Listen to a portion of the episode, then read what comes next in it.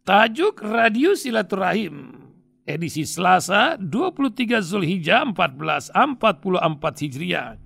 Bertepatan dengan 11 Juli 2023 diberi judul Geoekonomi Politik di Tahun Politik. Sebuah tulisan dari Adi Warman Akarim Letak strategis, kekayaan alam, dan bonus demografi Indonesia menjadi daya tarik bagi negara-negara adidaya untuk menanamkan pengaruh bahkan menjadi mitra strategis Indonesia. Kebijakan bebas aktif Indonesia bahkan membuat Indonesia terbuka bagi kekuatan adidaya berebut menanamkan pengaruh. Kesadaran akan tiga hal itu mendorong Indonesia lebih baik dalam menempatkan posisi tawar. Kekuatan ekonomi Indonesia yang menduduki peringkat 16 dari 20 negara terkaya dunia G20 memberikan kepercayaan diri yang jauh lebih baik daripada sebelumnya. Pertama, Letak strategi Indonesia merupakan jalur lalu lintas kapal barat timur dari Laut Cina Selatan dan Samudra Pasifik menuju Samudra Hindia.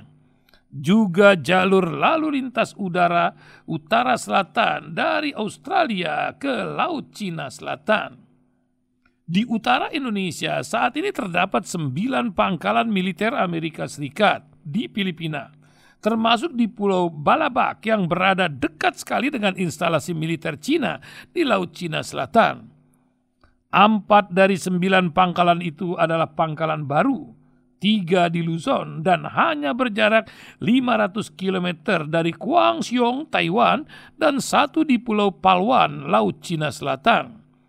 Cina dengan Nine Dash lainnya di Tenggarai telah membangun 30 karang di kawasan Kepulauan Spratly sebagai pangkalan militernya di Laut Cina Selatan. Di selatan Indonesia, Amerika Serikat memiliki pangkalan angkatan lautnya di Exmouth, Australia Barat, pangkalan militer di Alice Spring, Northern Territory, dan pangkalan militer di Darwin. Sementara Cina membangun kerjasama dengan negara-negara di Kepulauan Pasifik yang merisaukan Australia karena letaknya berdekatan. Kedua, kekayaan alam Indonesia yang seakan mengikuti kemajuan teknologi. Ketika migas menjadi sumber utama energi, Indonesia salah satu anggota OPEC. Ketika batu bara menjadi sumber utama energi murah, Indonesia menjadi eksportir penting. Ketika kendaraan listrik dengan baterai yang berbahan asal nikel, Indonesia juga menjadi eksportir terbesar dunia. Emas dan rare earth termasuk juga melimpah di Indonesia. Komoditas pertanian dengan minyak bunga matahari, kayu sintetis belum dapat menggantikan komoditas tradisional pertanian. Kekayaan alam inilah yang membawa Indonesia pada liga elit negara terkaya dunia.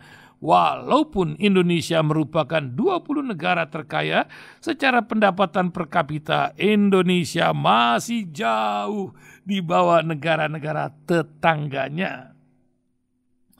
Ketiga, bonus demografi mengantarkan Indonesia pada struktur populasi tenaga usia produktif lebih besar daripada tenaga usia non-produktif.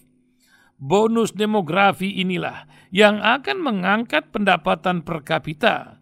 Hal inilah yang akan mengubah Indonesia menjadi 20 negara terkaya di dunia sekaligus negara dengan pendapatan per kapita yang tinggi. Jika negara kecil berpendapatan per kapita kecil ibarat mengisi air akuarium, negara-negara berpopulasi kecil akan cepat terisi penuh oleh air akuariumnya. Negara besar seperti Indonesia ibarat mengisi air kolam renang, perlu waktu lebih lama untuk memenuhi air di kolam renang tersebut. Ini juga terlihat dari Cina dengan dan India yang telah lama masuk Liga Elit G20 tetapi perlu waktu lebih lama untuk menaikkan pendapatan per kapita. Pakistan dan Nigeria diperkirakan akan mengikuti rute Cina, India, dan Indonesia. Dengan bonus demografi ini, diperkirakan Indonesia akan masuk lima negara terkaya dunia bersama China, Amerika Serikat, India, dan Jepang. Inilah lima negara terkaya dunia yang memiliki filosofi ekonomi masing-masing. China dengan ekonomi neososialisme, Amerika dengan ekonomi neokapitalisme, India dengan ekonomi Gandhi, Jepang dengan ekonomi samurai, dan Indonesia dengan ekonomi syariah. Di zaman Rasulullah SAW, Mekah dan Madinah juga memiliki letak strategis jalur perdagangan utara selatan dan jalur perdagangan timur barat Kekayaan alam sangat jauh bila dibandingkan dengan kelimpahan kekayaan alam Indonesia. Kekayaan alam baru dinikmati di zaman Bani Umayyah dengan banyaknya wilayah Persia dan Romawi Timur yang dibebaskan dengan bergabung Daulah Umayyah.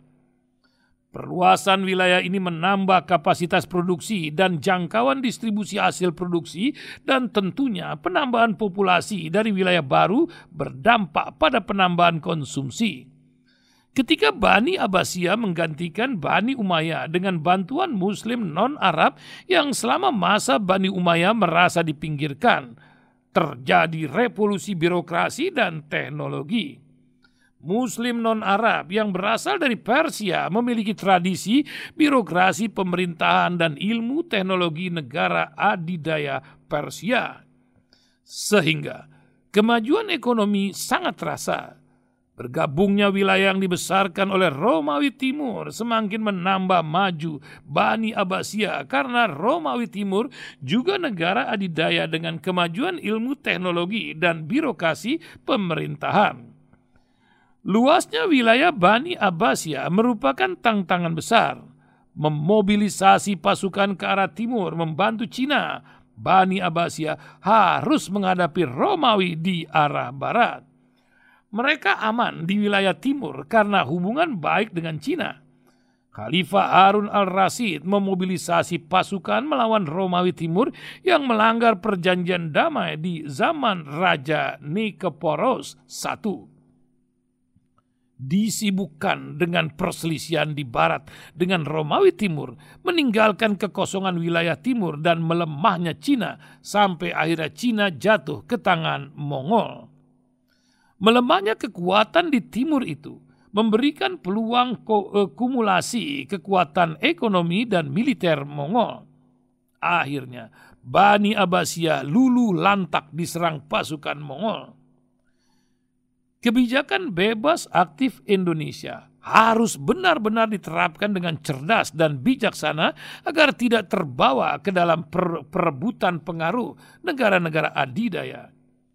Melihat sejarah, betapapun kekuatan dan kejayaan Bani Abbasiyah, keadaan geopolitik yang selalu berubah dan keliru dalam mengambil sikap terbukti meruntuhkan masa kejayaan Islam – Rasulullah SAW mengingatkan, di akhir zaman nanti, umat Islam akan diperebutkan bangsa-bangsa lain seperti mereka memperebutkan makanan untuk meremukkannya.